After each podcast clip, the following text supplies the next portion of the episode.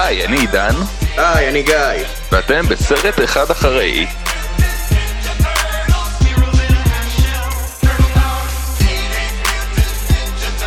סרט אחד אחרי, מהדורת הבידוד, אפשר להגיד. ייי!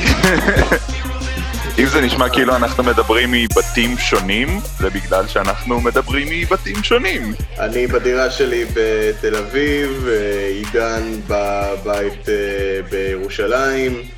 אה, אין אפשרות להגיע אחד לשני בגלל הסגר. ומה הדרך הכי טובה לבלות את הימים האחרונים שלנו מאשר לצפות בצבי הנינג'ה? צבי הנינג'ה, צבי הנינג'ה, הסרט מ-1990. גיא, ראית את הסרט הזה אי פעם? כן, ראיתי אותו, וואו. אני לא זוכר מתי הייתה הפעם האחרונה שראיתי אותו מההתחלה עד הסוף, ואין לי מושג אם זה לא היה בדיבוב לעברית. אה, דיבבו את זה לעברית? כן. מעניין אם הביאו את uh, אותם מדבבים של הסדרה המצוירת. לא, לא הביאו. את זה אני פחות או יותר לא. זוכר. אה, טל מוסרי וחברים, לא, לא היו שם. איזה פספוס. ה cast היה דן טורן בתפקיד לאונרדו, גילת אנקורי בתפקיד אפריל אוניל. מדהים, גם דיבבו את הסרט הזה, אני לא חושב שאי פעם ראיתי את- הסרט הזה לא מדובר לעברית. מלבד קטעים uh, קטנים פה ושם ביוטיוב, לא ראיתי את הסרט הזה. וואלה. Uh, כן, אני לא ממש, כאילו, שמעתי הרבה על הסרט, אבל ממש לצפות בו מההתחלה עד הסוף, אף פעם לא עשיתי את זה. אני, למען האמת, הפעם הראשונה שבכלל גיליתי שהסרט הזה היה קיים, זה היה כשהייתי ילד בן שמונה או תשע, ופשוט זיפזפתי בין הערוצים, ובמקרה ראיתי את צבי הנינג'ה, וזה היה לפני שהיה לך כזה כתובית על המסך שאומרת לך באיזה תוכנית אתה צופה. אז. כשהייתי, מזה- זה פשוט, אתה יודע, לא, לא הייתי יודע מה, מה מה יש אתה רואה, בטלוויזיה. למעשה. כן. ואז כן. פתאום לראות את העצבים האלה במציאות, זה היה נראה לי משונה מאוד. ורגע, שנייה, אז אתה בעצם אומר שאתה בתור ילד בן שמונה או תשע, זיפזפת, זיפזפת, פתאום אתה רואה actual live צבי הנינג'ה מול הפרצוף ולא נשארת על זה? נשארתי על זה, העניין הוא שזה היה ממש הסוף של הסרט הראשון, ואז זה Mm. אוטומטית דילג לסרט השני. טכנית יש עוד סרטים שיצאו יחסית לאחרונה שהפיק מייקל ביי, אבל בהם אנחנו לא נצפה כי אנחנו אוהבים איכות, God damn it. נכון מאוד. היו עוד uh, ניסיונות uh, להחזיר באמת את הצווים למסך, ה, למסך הגדול. Uh, חוץ מהסרטים של מייקל ביי, הראשון והשני, את השני לא ראיתי, אבל את הראשון אני כן ראיתי, והאמת, יחסית נהניתי ממנו דווקא. עשר שנים לפני זה, ב-2007, יצא הסרט TMNT, Teenage Mutant Ninja Turtles, שהיה סרט אנימציה ממוחשבת, לפי סדרה של ניקולודון שרצה באותו זמן, והוא היה טוב, פשוט מצוין. כמות הכבוד למותג הזה של צווי הנינג'ה ולעולם של צווי הנינג'ה בסרט הזה, לפי דעתי הייתה ענקית. אני חושב שגם הסרט מ-1990 וגם הסרט הזה עשו בשכל כשהם קראו לדמות של שרדר, The Shredder. עידן, תגיד פשוט סתם, שרדר, שרדר, עכשיו תגיד The Shredder. The Shredder. בואנה, צודק. אני חושב שזה הרבה יותר מגניב והרבה יותר אמפתי. אמ, אוקיי, תגיד, גיא, בקצרה, מה הניסיון שלך עם הפרנצ'ייז של צבי הנינג'ה? אה, אני זוכר את הסדרה המצוירת, המדובבת, כמובן, אה, טל מוסרי וחברים, אה, שיותר מאוחר התחלף בעידו מוסרי. סדרה מגניבה, כיפית, מצחיקה, המון פיצה, המון שרדר, אה, שזה הדמות של אה, קרנג ברובוט הענקי הזה. שרדר אומר, אתם עולים לי על העצבים צבים, אבל שום דבר מיוחד. ומשם לסרט שאני זוכר אותו במעורפל כסרט יחסית, הצד האפל יותר של ה nineties. למעשה הוא היה כל כך אפל שג'ים הנסון, זה שבסדרה שלו יצרו את הבובות של צבי הנינג'ה, אה, הוא הביע אה, התנגדות לכמה אפל הסרט יצא. והבנתי שהיה קטע שאחד מהדמויות של הרעים פותח במכות רצח את אחד ה minions והורג אותו במכות, ואז יותר מאוחר בפוסט הוסיפו כל מיני רעשי רקע של, ששומעים את הדמות עדיין נושמת, וששומעים כמה לחשושים, uh, He's gonna be okay, he's gonna be okay, כדי שכאילו ילדים שיראו את הסרט לא יבינו, אוקיי, fuck, הרגע ראינו רצח במכות on uh, screen. זה, זה מה שאני זוכר פחות או יותר, שזה היה סרט uh, מגניב, כיפי ומעט nineties uh, אפל כזה. אני uh, גם כמוך uh, גדלתי על הסדרה הראשונה הזאת שיצאה בשנות ה-80, אבל אני לא זוכר שהיא הייתה big deal עבורי. כלומר, uh, שלא נגיד כמו Power Rangers או פוקימון, ש... ממש ריתקו אותי. צבי הנינג'ה זה היה כזה אה, cartoon נחמד אה, שהייתי צופה בו מדי פעם. אני זוכר שאבא שלי אהב לראות איתי את הדבר הזה, הוא נורא נהנה מהכתיבה המצחיקה של הסדרה הזאת. וואלה. אה, אני זוכר שהיו כן. שם הרבה שבירות של הקיר הרביעי. בעיקר כן, מהצד של רפאל. דווקא, לא מהצד של מיכלנג'לו. נכון. זהו, שזה אחד הדברים שדווקא טיפה מעניינים אותי בנוגע לסדרה המקורית, אני עוד מעט אדבר על זה יותר ברחובה כשאני אדבר על ההיסטוריה של הפרנצ'ייז, ספציפית הדמות של רפאל, אבל זה עוד מעט יגיע.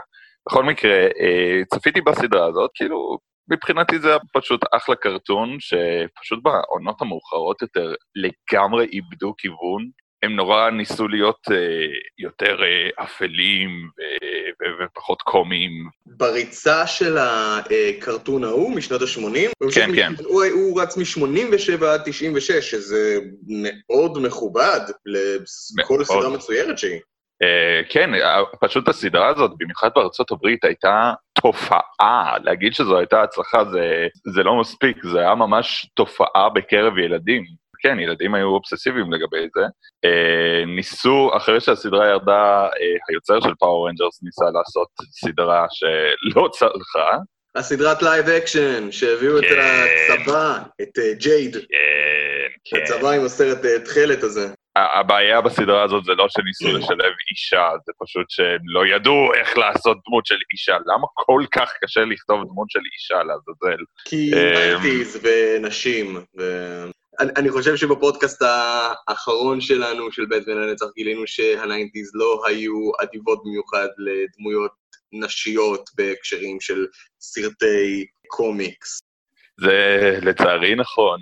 יש כאלה שיגידו שזה נכון אפילו עד היום, אבל זה נושא ליום אחר. אני דווקא מאוד אהבתי את הסדרה של צבי הנינג'ה מ-2003, uh, הסדרה שעשו 4Kids, שהיא הייתה פחות קרטון ויותר גיבורי על, שגם היא לצערי איבדה את הכיוון לגמרי בשנים האחרונות, ואת הסדרת אה, CGI של ניקולודיון, וגם הסדרה הממש חדשה שיצאה לאחרונה, לא צפיתי אפילו לא בשבריר שנייה, אני לא יודע מה קורה שם.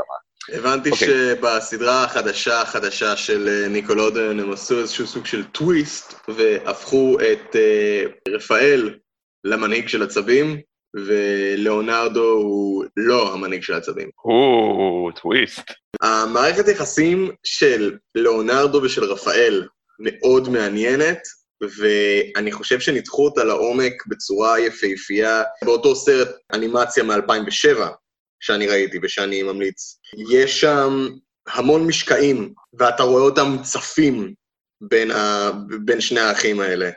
קנאה ותסכול אחד מהשני, ויש ביניהם סצנת קרב יפהפייה ומרגשת באופן מפתיע יחסית לסרט uh, כל כך uh, זניח. בוא נדבר טיפה על ההיסטוריה של צבי הנינג'ה. צבי הנינג'ה התחיל בתור קומיקס בשנות ה-80, שהקומיקס היה בשחור לבן והיה מעין פרודיה על הקומיקסים של דרדוויל ושל באטמן שכתב אז פרנק מילר, שהיו מאוד קודרים ומאוד רציניים. דרדוויל נלחם בארגון שקראו לו היד, אז צבי הנינג'ה נלחמים בארגון שקוראים לו הרגל. Oh, I see what they did there. למאסטר של דרדוויל קראו לו סטיק, אז לצבי הנינג'ה קראו למאסטר שלהם ספלינטר. הקומיקס היה משונה מאוד, הוא לא פורסם על ידי לא מרוויל ולא DC, הוא פורסם באופן די עצמאי, ולא היה הצלחה גדולה, מי יודע מה. הסיבה שלכל צב היה בעצם נשק שונה, כי זו הייתה השיטה היחידה להבדיל ביניהם. קומיקס שחור לבן. לכל אחד מהצבים לא היה ממש אישיות שונה, כולם היו כזה... פחות או יותר, שזה התיאור הכי טוב שאני יכול לתת. אני מנסה לדמיין עכשיו איך גוש של נראה. במיוחד בדפי קומיקס, פשוט בלוני דיבור שלהם זה... couple of idiots. אוקיי, תמשיך. בעצם צבי הנינג'ה לא היה הצלחה בכלל עד שהם ניסו לשווק ליין של צעצועים, וכדי לשווק את הליין של הצעצועים, הפיקו סדרת טלוויזיה של חמישה פרקים בלבד. לכל צב נתנו בנדנה בצבע אחר, ואישיות שונה. לאונרדו מנהיג עצבים, דונטלו אוהב להמציא תכסיסים, רפאל מדליק אבל חוצפן, ומיכאל אנג'לו הוא רקדן. זה משהו שמרתק אותי. אני לא ממש הצלחתי להבין אף פעם מה האישיות של רפאל. אה, חמום מוח. זהו, חמום מוח זה רק נהיה מאוחר יותר. למעשה כשעשו את הסרט, שאנחנו עומדים לצפות בו ממש בקרוב, אה, רצו לתת לרפאל יותר אישיות, כי לפי הסדרה המצוירת, הוא ומיכלנג'לו היו סך הכל דומים, שניהם היו אה, מספרי בדיחות. רק שרפאל היה שובר יותר את הקיר הרביעי ומיכלנג'לו פחות. גם בתור ילד לא ממש הצלחתי להבין איך רפאל שונה ממיכלנג'לו חוץ מהנשק והבנדנה. כן, זה מאוד אה, מעניין מה שעשו בתקופה הזאת של ה nineties כשרצו למכור צעצועים, שזה בעצם, uh, אני עובד ביום-יום שלי עם סרטים מצוירים, uh, בתור מדבר ובתור מתרגם, אז אני רואה שהשיטה הזאת גם תופסת היום. אתה רוצה להוציא ליין של צעצועים, והדרך הכי טובה לעזור למכירות של הליין הזה, זה להוציא סדרה מצוירת, שלמעשה הסדרה המצוירת היא מין סוג של חוברת הוראות בשביל הילד איך לשחק בצעצועים. היא מסבירה לו, אלה הטובים, אלה הרעים. בצד של הטובים יש לך את הדמות הזאת, זה המנהיג, זה השטותניק, זה הממציא, ובצד של הרעים יש לך את ה... זה הרע הראשי, אלה שני העוזרים הדבילים שלו, וזה ה mastermind. ככה זה ממש תפקד, ועד היום זה מתפקד ככה. זה בעצם התחיל מזה ששינו את החוקים בארצות הברית בשנות ה-80, שעד אז היה אסור להראות תכנים שיווקיים אה, בתוכניות של ילדים. יכול להיות שאפילו לא היה פרסומות, אני לא יודע. לא גדלתי בארצות הברית בשנות ה-70, אז אל תתפסו אותי במילה. אה, ואז כשרונלד רייגן הגיע, בין היתר הוא פשוט אמר, אה, תעשו מה שאתם רוצים, ואז התחילו לעשות אה, תוכניות טלוויזיה שהיו בעצם פרסומות. זה, זה, זה, זה מאוד מתאים לרונלד רייגן. הבן אדם היה שחקן לפני שהוא היה נשיא. זו דינמיקה מעניינת, כי מצד אחד יש דברים שהם מראש מיועדים להיות פרסומות ופחות אה, מדיה בידורית לכשעצמה, אבל מצד שני אפשר להגיד אותו הדבר על אה, כמעט כל דבר שההצלחה שלו נמדדת בכמה מרצ'נדייז הוא, הוא מכר. אה, דיסני או המיניונינס וכל מיני דברים כאלה. דיסני גם עם סוג של הפכו את איך שזה צריך להיות. עד היום הם יוצרים סרטים ותוכן שהם עומדים בפני עצמם. אני מניח ששם המרצ'נדייז הם מין סוג של תוצר לוואי. דוגמה יותר טובה לזה זה דווקא סטאר וורס, שהתחיל בתור משהו עצמאי ותוכן בפני עצמו, ואז הוא הפך למפלצת merchandise מהגדולות, אם לא הגדולה, בעולם. רובוטריקים, צבי הנינג'ה, הימן ועוד הרבה דברים שאני שוכח כרגע, פאור רנג'רס, התוכניות באו כדי לשווק את הצעצועים. אבל במקרה הזה זה לא היה ככה, במקרה הזה של צבי הנינג'ה, של צבי הנינג'ה זה התחיל בתור קומיקס, ספק אלמוני, ספק כושל, שבשביל להגביר את המודעות אליו החליטו למכור אה, ליין צעצועים, mm-hmm. ואז בזכות זה, זה התחיל והתגלגל ונהיה כזאת תופעה עולמית. מה הציפיות שלך מהסרט צבי הנינג'ה מ-1990? הייתי רוצה לראות עכשיו בתור מבוגר דברים שלא שמתי לב אליהם בתור ילד, ושהדברים האלה בעצם ישפרו את חוויית הצפייה. אני בעיקר מצפה לראות איך הבובות של צבי הנינג'ה החזיקו מעמד בפרספקטיבה של היום. אה, מעבר לזה, אני באמת לא יודע למה לצפות. בוא נראה אם הסרט באמת אפל כמו שאמור. קוואבנגה! קוואבנגה!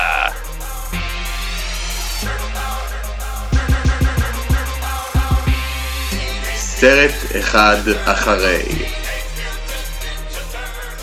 אוקיי, צפינו עכשיו בצבי הנינג'ה, של 1990, וזה היה כיף.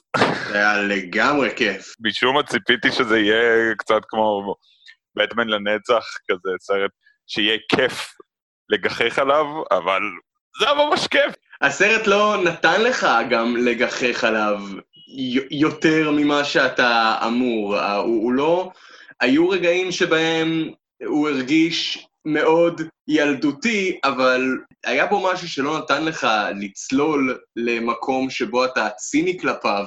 היה בו איזשהו סוג של קסם, נראה אם אנחנו נצליח לנתח עכשיו את הקסם הזה, איזשהו סוג של קסם שגורם לך ללכת איתו. לעומת אה. בטמן לנצח, שיצר איזשהו סוג של ריחוק.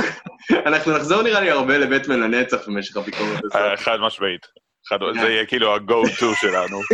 אפשר לדבר על זה בתור אחד הדברים הראשונים, שבובות ענקיות של צבים שיחקו יותר טוב מאשר ול קילמר בבטמן לנצח, או השחקן של קומישיונר גורדון, או השחקן של הבוס של ג'ים קרי. אתה רואה תצוגת משחק יותר טובה, שבאה מבובות של ג'ים הנסון, שזה speaks highly על בובות של ג'ים הנסון ועל הסרט צבי הנינג'ה, ו-speaks very poorly על, על כל מי שהזכרתי לפני. שמע, הבובות בסרט הזה היו מדהימות. היום לראות אה, גרסת live action של משהו שבמקור היה מצויר, זה לא דבר כזה מלהיב. א', כי הרבה פעמים פשוט מעבירים את זה לאנימציה תלת-ממדית שאומנם נראית פוטו-ריאליסטית. לא שאני מזלזל באנימציה תלת-ממדית, זה עדיין תחום שמאוד קשה, אבל באמת יש משהו אחר בלראות איך עשו את זה באמת, איך, איך היו קבוצה של אנשים שאמרו, אנחנו נעשה צבי הנינג'ה, נבנה בובות אמיתיות, שיראו ממש כמו הדמויות המצוירות. ואתה יודע שזה סרט שנחשב סרט עצמאי? מה זאת אומרת? זה נחשב, אוקיי, בהתחלה אתה ראית את הלוגו של ניו ליין סינמה. אני חושב שזה נרכש על ידם להפצה בשלב יותר מאוחר, ובדקתי בטריוויה ב-IMDb, ומסתבר שזה הסרט העצמאי שהכניס הכי הרבה כסף באותה, עד אותה תקופה. זה לא היה אולפנים שאמרו, אנחנו עכשיו עושים צבי נינג'ה, אלא כמה אינדיבידואלים שאמרו, בואו נשקיע את כל החיסכון המשפחתי שלנו על הסרט הזה. אני מניח שכן. אני מאמין שכן. שניצל. כי אה, גם אם ג'ים הנסון בעצמו לא לקח אגורה, אני מניח שהבובות האלה, היה- היה צריך לשים עליהם כסף אה, איפשהו. תראה, אה, אה, לפי מה שאני רואה פה, התקציב המוערך של הסרט היה איזה 13 וחצי מיליון דולר, שזה, אתה יודע, יחסית... זהו? כן, זה יחסית יפה. אני מניח שגם אה, שג'ים הנסון קיבל את הנתח הראוי שלו, כי בלעדיו היה מאוד מאוד קשה להרים את כל הדבר הזה, ואני חושב שזה מתבטא בבחירת השחקנים. אתה ראית שהשחקנית של אפריל לא הייתה מוכרת כל כך, השחקן של קייסי ג'ונס היה יותר מאוחר, הוא עשה כל מיני דברים, אה, הוא אחר כך אה, הופיע בשאטר איילנד ושוטר ובסרטים אחרים, והוא בנה לעצמו קריירה יפה מאוד, אבל יחסית לאותה תקופה הוא גם לא היה מוכר במיוחד. הכוכבים של הסרט הם למעשה צבי הנינג'ה, ואני מניח שכל הכסף באמת הלך על הבובות האלה. אה, אגב, דווקא עובדה מעניינת, אתה יודע מי השחקן שלימים נהיה הכי מפורסם מהסרט הזה? אה, קורי פלדמן, סם רוקוול. סם רוקוול פה?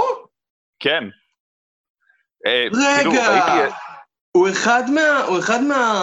מה- מהעבריינים הצעירים האלה ש... with the foot? כן, כן, כן. holy shit, בגלל זה הוא היה מוכר לי. נכון. תשמע, זה מין כזה, אמרתי, יש סיכוי שזה הוא, ואז סתם כתבתי סם רוקוול וצבי הנינג'ה, והופה, זה הופיע. אני בשוק. אה, אה, כן, זה- זה זה באמת מפתיע. סם רוקוול, head thug, איזה קטע. אמ, אז הבובות של צבי הנינג'ה הם לא כמו, נגיד, אה, קרמיט הצפרדע, שהפה שלו רק נפתח ונסגר. יש להם הבעות פנים. הן בוכות. הן בוכות, הן ממצמצות. אני מניח שכדי לתפעל בובה אחת של צו נינג'ה בודד, צריך שלושה אנשים שונים, ארבע אם סופרים גם את ה-voice actor, שאולי זה אותו בן אדם. לא, האמת היא שזה לא אותו בן אדם, זה גם. משהו שאני בדקתי. השחקנים, ה-actual שחקנים שהיו בתוך הבובות ובתוך החליפות האלה של הצבים, יותר מאוחר הופיעו בסרט בכל מיני תפקידים קטנים. מי שהפעיל את הבובה של דונטלו, שיחק אחר כך גם את הפוט מסנג'ר.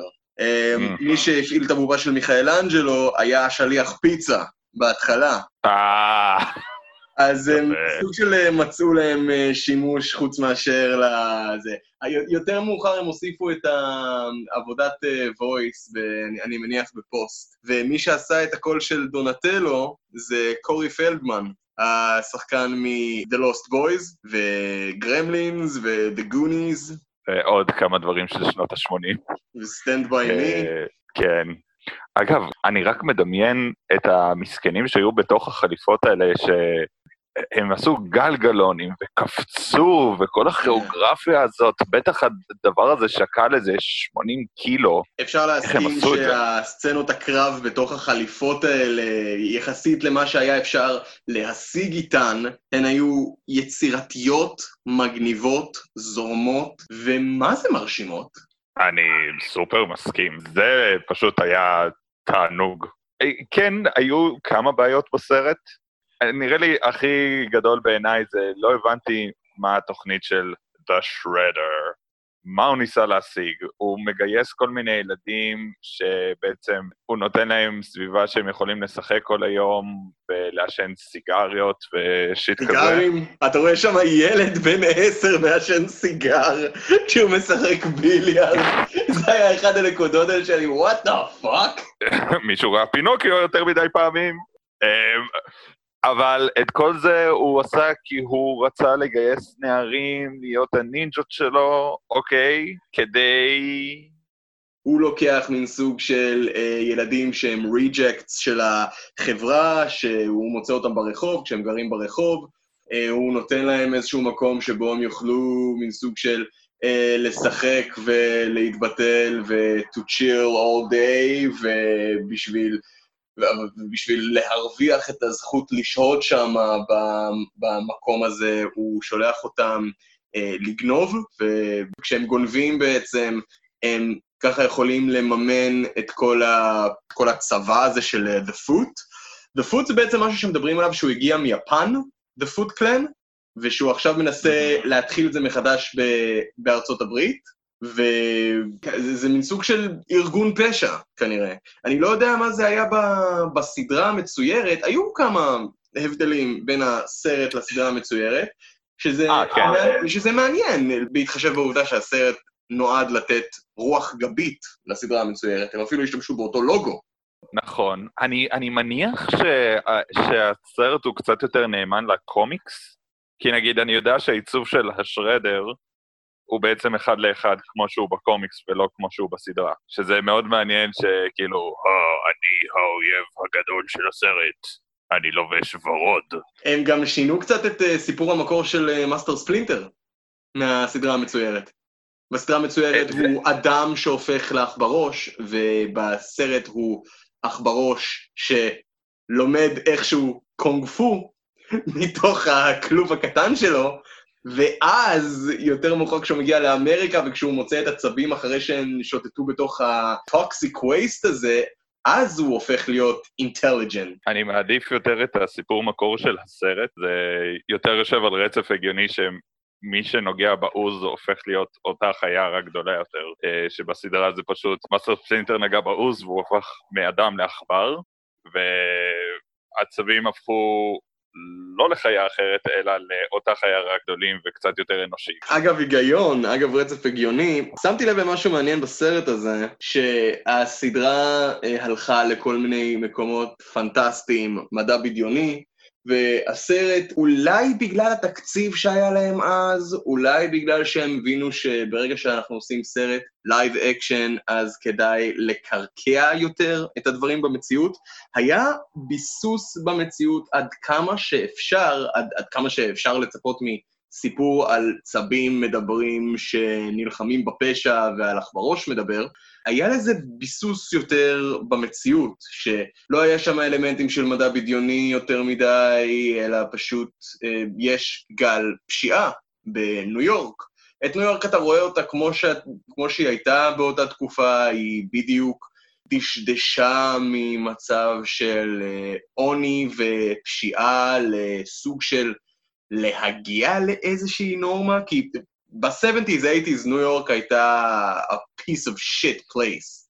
כן, מי שראה את הסרט הג'וקר, כן. שיצא ב-2019, אז פחות או יותר ככה נראתה ניו יורק. אז פה אתה רואה כאילו ניו יורק מאוד מאוד מציאותית, אתה רואה גל פשע שהוא...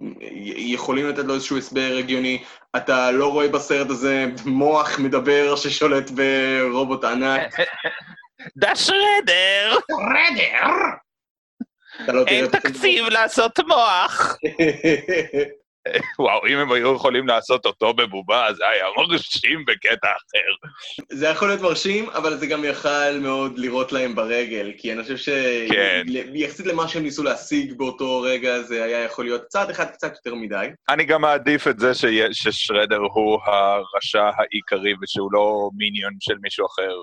ואז ל minion, ל minions יש minions, וגם להם יש minions, אז אני מעדיף את זה ככה. מי נמצא בתחתית שרשרת המזון הזאת? קרנף וחזיר בר מדברים, זה מי. לפחות הם לא רובוטים. the Foot uh, בסדרה המקורית היו רובוטים, כי אז אין הגבלה על אלימות. האמת היא שיש איזשהו משהו, עכשיו כשאני חושב על זה, יכול להיות קצת מעניין לראות את ה sequel לסרט של מייקל ביי, ולו רק בשביל לראות איך יצא להם אה, ביפופ ורוקסטדי וקרנג. שמע, אני ממש אהבתי את אפריל אוניל בסרט הזה. אחי, יש לו ביצים של שור בסרט הזה. כן! אף אחד לא מתעסק עם אפריל אוניל. Um, כאילו מצד אחד היא כן, um, יש פעמיים שצריך להציל אותה, אז זה לא שהיא לגמרי אה, אייקון פמיניסטי, אבל יש פעם אחת שהיא רואה את הנינג'ות, ובמקום לברוח היא פשוט אומרת להם, אה, סתלקו לי מהפנים, הם לא מסתכלים, ואז היא מוציאה כלי נשק ואומרת, נמאס לי מכם.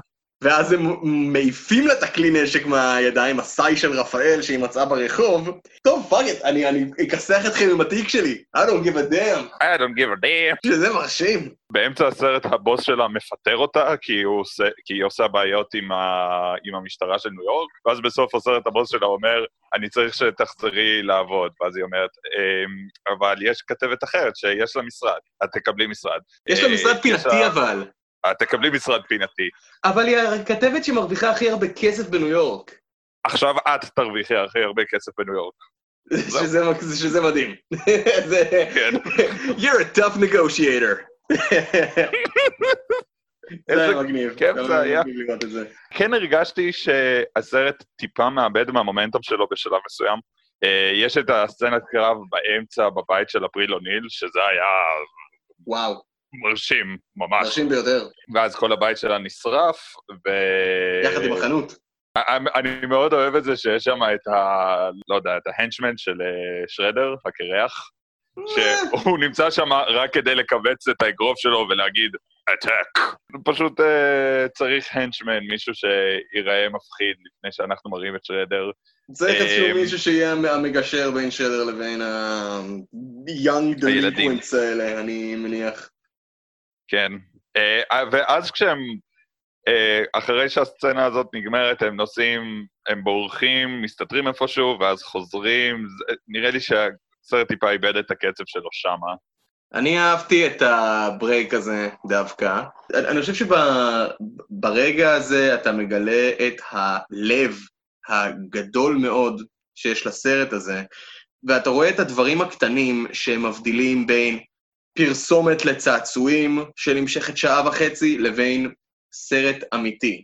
אתה רואה את איך שכל אחד מהעצבים בעצם מתמודד עם התבוסה שהם נחלו. חטפו את ספלינטר וגם הם בדיוק כיסחו להם את הצורה במכות והם צריכים uh, לברוח עם הזנב בין הרגליים, אז אתה רואה כשאפריל עושה נרייטינג, ורואים בעצם איך כל אחד מהצווים מתמודד עם התבוסה הזאת, ואתה רואה את ליאונרדו שומר על רפאל המאולף, ויש בזה משהו כל כך נוגע ללב, כי לפני זה היה להם ריב מאוד גדול, ואני חושב שהסרט שם הציג לראשונה את המערכת יחסים המאוד סבוכה שלהם, שלאונרדו הוא המנהיג, אבל אף אחד לא ביקש ממנו להיות המנהיג, פשוט בגלל האופי שלו, ככה דברים התגלגלו. ואתה רואה את רפאל, שהוא מאוד חמום מוח כזה, מאוד כועס ומתוסכל מזה שלא עושים שום דבר עכשיו בשביל להציל את ספלינטר, ואתה רואה את שניהם רבים, ואתה רואה יותר מאוחר, כשלאונרדו שומר עליו, וברגע שרפאל מתעורר, והוא מחבק אותו, והוא אומר לו שהוא מצטער על כל הדברים שהוא אמר לו, אתה רואה שם כמה בעצם אהבה יש ביניהם. יש משהו ששכחתי להגיד מקודם, שמראים את תהליך המוטציה של עצבים, איך הם הופכים להיות מעצבים אמיתיים לבעצם מוטציות מדברות. זה רגע שממש צחקתי בקול, כזה... רדיקל, רדיקל, רדיקל. מה המילה הראשונה שמישהו מהם אומר? פיצה! זה היה מתוק. בסרט אחר זה היה יכול להיות קרינג' אחוז שרמוטה, אבל שם זה פשוט לא יודע להסביר, היה שם משהו שעבד, זה היה מתוק להפליא. אני חושב, אה, אה, אתה יודע, כאילו, כששאלתי מה אני מצפה מהסרט, אני מצפה שהבובות יהיו אה, מדהימות, ולראות כמה הסרט אפל. וא', הבובות הן מעבר למדהימות, הן קסם, ואני לא חושב שזה אפל כמו שזה פשוט לוקח את הקהל שלו ברצינות. זה גבול דק ואפשר לדון לכאן ולכאן, אבל זה לא שהם ניסו להיות אג'ים, זה...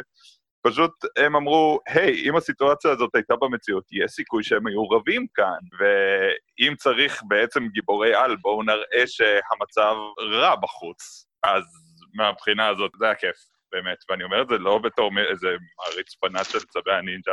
אה, דבר, דמות אחת שכן, אני חושב שאת טיפה פספוס איתו, זה דונטלו. אתה יודע, זה מדהים. אה, בכל מקום שבו אני רואה דונטלו, יש איתו פספוס אחוז שרמוטה. בכל מקום שהוא לא הסדרה כן. מצוירת. יש איתו פספוס אחוז שרמוטה, והופכים אותו ללגמרי lame duck של החבורה. נראה לי שזה פשוט הבעיה שאם אנחנו עושים אותו חכם מדי, אז בעצם לא צריך, כאילו הוא פשוט עושה כפתור שבום מחסל את הבעיה ואז לא צריך אקשן ואת שאר הדמויות. באופן כללי אני חושב שהוא זה שצריך להיות המנהיג, נטו כי, היי, אני הכי חכם ואני יכול לבנות אסטרטגיה טובה. פה בסרט הזה הוא פשוט הרגיש כמו עוד מיכאל אנג'לו. כן, זה איזושהי דינמיקה שגם ממשיכה לסרטים הבאים, ש... רואים טוב מאוד את הדינמיקה בין הארבע עצבים, שרואים נגיד את אה, רפאל ואת לאונרדו רבים, ורואים את אה, מייקל אנג'לו ואת אה, דונטלו, השטוטניקים כזה אומרים, טוב, אמא ואבא רבים, בוא, בוא נלך לאיזשהו מקום אחר ולא יודע, נשחק כזה. אני אוהב את זה שפשוט תוך כדי שהם הולכים מכות, הם דנים איזה משחק מילים יכול להתאים לאותו רגע. מיקלנג'לו אומר, אולי זה, ודונטלו, אה, קלישאתי מדי. אה, אז אולי זה, אה, צפוי מדי. אה, אני יודע, זה, או, זה משהו שאני אוהב, תוך כדי שהם הולכים מכות, תוך כדי שהם מכסחים את הגונץ. אגב. כן. אני לא יודע אם זו פעם ראשונה או לא, אבל זה נראה לי הפעם הראשונה שהם נותנים שמות חיבה לדמויות. כאילו, דונטלו זה דון, מיקלנג'לו זה מייקי. ליאו ורף, כן, לגמרי. אישית אני לא אוהב את זה, אני לא חושב שהשמות של אומני הרנסאנס יותר מדי קשים לביטוי לילדים, וזה חלק מהקסם, שמין כזה, למה יש להם שמות של אומני רנסאנס? Because. מה הקשר בין צבים שמחזיקים חרבות לבין ליאונרדו דה וינצ'י? אין. זה פשוט קורה. בואו נלמד את הילדים על אה, אמני רנסאנס על הדרך, בואו נכניס איזה זינג חינוכי כזה מהדלת האחורית. או, uh, הנה משהו מעניין. בתחילת הסרט רואים את אפריל לובשת טרנץ' קוט צהוב. זה בעצם אה, הומאז' לחליפה הצהובה המלאה הזאת שלה מהסדרה המצוירת. בהתחלה הם רצו שהיא תלבש את זה במשך הסרט. השחקנית ראתה את הדבר הזה, והיא אמרה, no fucking way, אני לא לובש את הדבר הזה, קחו את זה ממני. אה, הם פשוט החליטו, אוקיי, בסדר, לא נשתמש בזה, ופשוט ניתן לה את המייל הצהוב הזה בסצנה אחת בתור אה, הומאז'. לשחקנית הזאת קוראים ג'ודית הוג, והיא לא המשיכה לשני הסיקולים האחרים, וזה חבל מאוד, כי היא הייתה באמת מצוינת. אה, חבל שגם לא שמענו עליה קצת אחרי זה. אה, אישית אין לי בעיה שהיא לא לובשת את הג'אמפסוט. יש דברים שהם יותר הגיוניים בציור, וכשעושים את זה במציאות זה אה, נראה קצת אוף.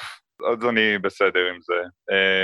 עובדה עצובה בנוגע לסרט הזה. זה היה הפרויקט האחרון שג'ים אנסון עבד עליו. לפני וואו, שהוא... באמת? אה, כן, הוא נפטר בטרם עת, ברק איזה חודשיים אחרי שהסרט הזה יצא. אז הוא השאיר לעולם את רחוב סומסום, את החבובות ואת אה, צבי הנינג'ה. דארק קריסטל, את פלאג, לברנט, כן, עוד. עוד הרבה דברים נפלאים, אבל, אבל רחוב סומסום והחבובות הגיעו לשלב אחר של תודעה. לגמרי. דארק קריסטל אני מאוד אוהב, זו הסדרת נטפליקס האהובה עליי, נקודה. ואני לגמרי במיעוט כאן, אבל זה נושא אני צריך. לתת לעוד איזה ניסיון. ודבר אחד אחרון, אה, ממש התרגשתי כמו ילדה קטנה, שאיך מביסים את השרדר, הם מחצו אותו.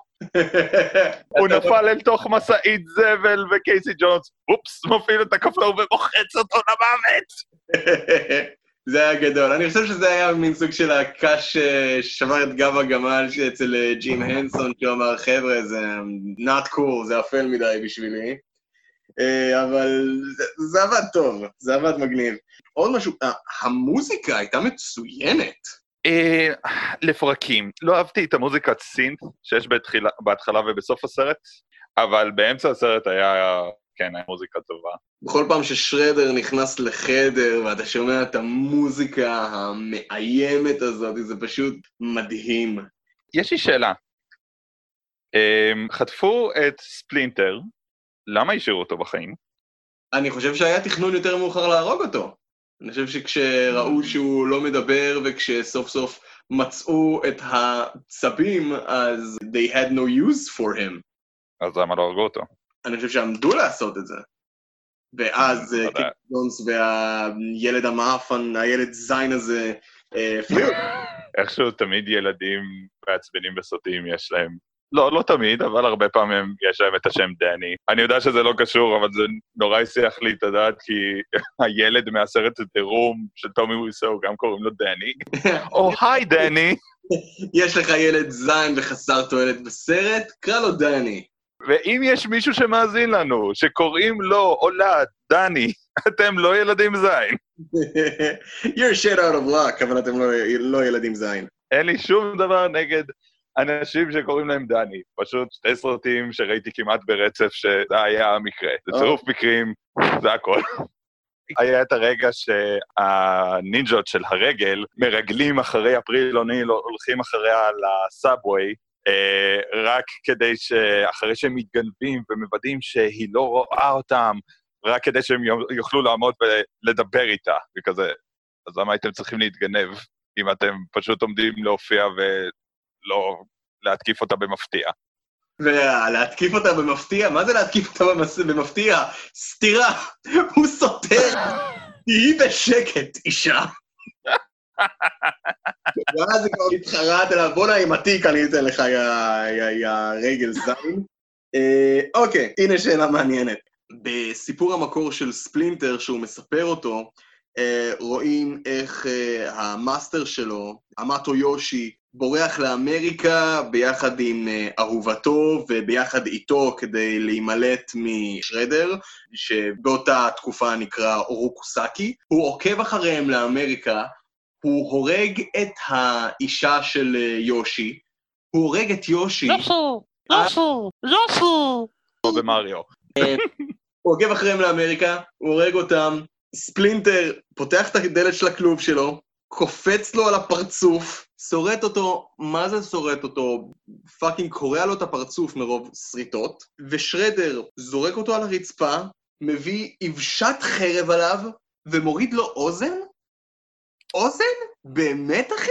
אוזן? אה, עם חרב ענקית, בן אדם, a a fully grown man, מניף את החרב שלו על עכברוש, העכברוש הזה ימות. האם הוא התכוון רק להוריד לו אוזן? אוקיי, הרגתי גבר ואישה, אז מה זה בשבילי עכשיו להרוג עכברוש? הוא התכוון להרוג אותו, אבל לא הצליח? הוא פשוט רצה לפצוע עכברוש? קצת מוזר. ובכן, יש הסבר מאוד הגיוני לזה. אה, שרדר בעצם צמחוני, והוא לא תומך באלימות כלפי בעלי חיים. הבנתי. אבל להרוג אנשים זה בסדר. אני חושב שהייתה לו איזה פינה כזאת, פינה יומית אחרי כל פרק של צווי הנינג'ה שבו הוא מלמד ילדים לאכול את הירקות שלהם. אז אה, זה, זה באמת נשמע הגיוני. הפינה האהובה עליי בתוכנית, כזה, היי ילדים, תאכלו מלפפונים, כך תהיו חזקים ותוכלו לנצח את הצבים. דמיינו שכל מלפפון הוא למעשה צו. לעזאזל, אף ילד לא מוכן לאכול מלפפונים. זה לא עבד. שרדר, דבר איתם על העגבניות, שרדר. יש דבר אחד שהיה לי קצת לא נעים במהלך הסרט. אני לא יודע אם גם לך, מיכלנג'לו, אה, hmm, דלוק מאוד על אפריל אוניל. אני יודע שאין לו כל כך הרבה אה, אה, צבות בקנה מידה שלו, אבל אחי, היא בת אדם ואתה בן 15, כאילו... Feel a better love story than Twilight. אה, כן, זה נכון. אתה יודע, הוא היה כאילו מין סוג של דלוק עליה, אבל אה, לא בשונה מרוב הצבים, וגם היה דלוק עליה סטייל 90's כזה, של She's a fox, she's a babe, Oh, I think she likes me, she called me מייקי. אה, הדמות של קייסי ג'ונס, איזושהי שאלה מעניינת, האם הוא לא מסוגל לעשות, לבצע שום פעולה בלי מחבט של איזשהו ענף ספורט ביד שלו? אוקיי, רואים אותו בהתחלה פוגש את רפאל, הוא פותח את רפאל במכות עם מחבטי בייסבול, ואז עם קריקט, ושם הם עשו, שמו בדיחה ממש ממש חמודה של אה, קריקט, no one understands cricket. You need to understand what's a crumpet to understand cricket. ואז הוא פשוט משתיק אותו ופותח אותו עם המקל קריקט הזה, ואז יותר מאוחר, אה, ה henchman של שרדר, המאסטר טאטסו הזה, דופק לו מכות, והוא לא מצליח לעשות שום דבר בנוגע לזה, משום מה, ואז הוא מוצא, אהה, עלת גולף, עכשיו יש לי איזשהו משהו שאני יכול לנצח את הטיפוס הזה איתו במכה אחת. אוקיי, למה לא יכולת לעשות את זה גם בלי העלת גולף הזאת? אתה חייב מחבט ספורט כלשהו בשביל להיות יעיל? אה, ובכן, ראה, אה, זו נקודה מאוד טובה, מה שאתה אומר. והיא כזה, הקריפטונייט שלו זה פשוט לא להחזיק מחבט כלשהו ביד. שהם בדיוק אה, עזבו את הדירה של, אה, של אפריל, ואז הם חוזרים לביוב, והם מגלים שחטפו את ספלינטר, ואז הם חוזרים לדירה של אפריל, היא פותחת להם את הדלת, והיא שואלת, what's wrong? איך מישהו מהם אומר לה, ספלינטר, ורואים אותם כל כך עצובים ומפוחדים, וזה פשוט נוגע ללב. הם, הם ממש הצליחו להעביר את התחושה שהם, א', אחים, ושמעבר לזה שהם בעצמם לא לגמרי יודעים מה לעשות. אז רק כדי לסיים את זה, אני ציפיתי לראות בובות מדהימות ובהחלט לא התאכזבתי. רציתי לראות כמה זה אפל, ולא בדיוק אפל, יותר לוקח את הקהל שלו ברצינות. באופן כללי, זה היה פשוט תענוג. dare it, אני חושב שזה הדבר, הפיסת מדיה הכי טובה שיצאה מצבי הנינג'ה. פשוט כיף של סרט. קיבלתי לחלוטין את מה שאני ציפיתי ממנו, מה שאני אמרתי בהתחלה זה שאני מצפה למצוא רגעים בסרט הזה בתור בן אדם מבוגר, שיוסיפו לחוויה ויוסיפו למה שאני ראיתי כבר בתור ילד וישלימו את התמונה. ככה גם יודעים אם סרט עובר את מבחן הזמן מבחינתך. כשאתה ילד קטן, כל מה שאתה רוצה לראות מסרט של מבוסס על הקומיק, סדרה מצוירת, הצעצוע האהוב שלך זה את קטעי האקשן ואת הסטייל ואת העיצוב ואת המוזיקה ואת כל הדברים הפיזיים, אבל מה שבעצם גורם אבל לסרט לעבור את מבחן הזמן זה, ושוב, הדברים הקטנים האלה שאתה רואה במהלך הסרט, האינטראקציות הקטנות האלה בין דמויות, זה בעצם מה שמעביר לך שמדובר ביצורים, אנשים עם רגשות, רצונות, פחדים, כעסים, שמחת חיים, שבעצם בונים אצלך את החוויה הרגשית שאתה, שעובדת עליך בתור מבוגר. לגמרי קיבלתי את זה. אז אלה היינו אנחנו, הימים הם ימי קורונה, סגר בחוץ, תשמרו על עצמכם, תישארו בריאים, יאללה ביי. יאללה ביי.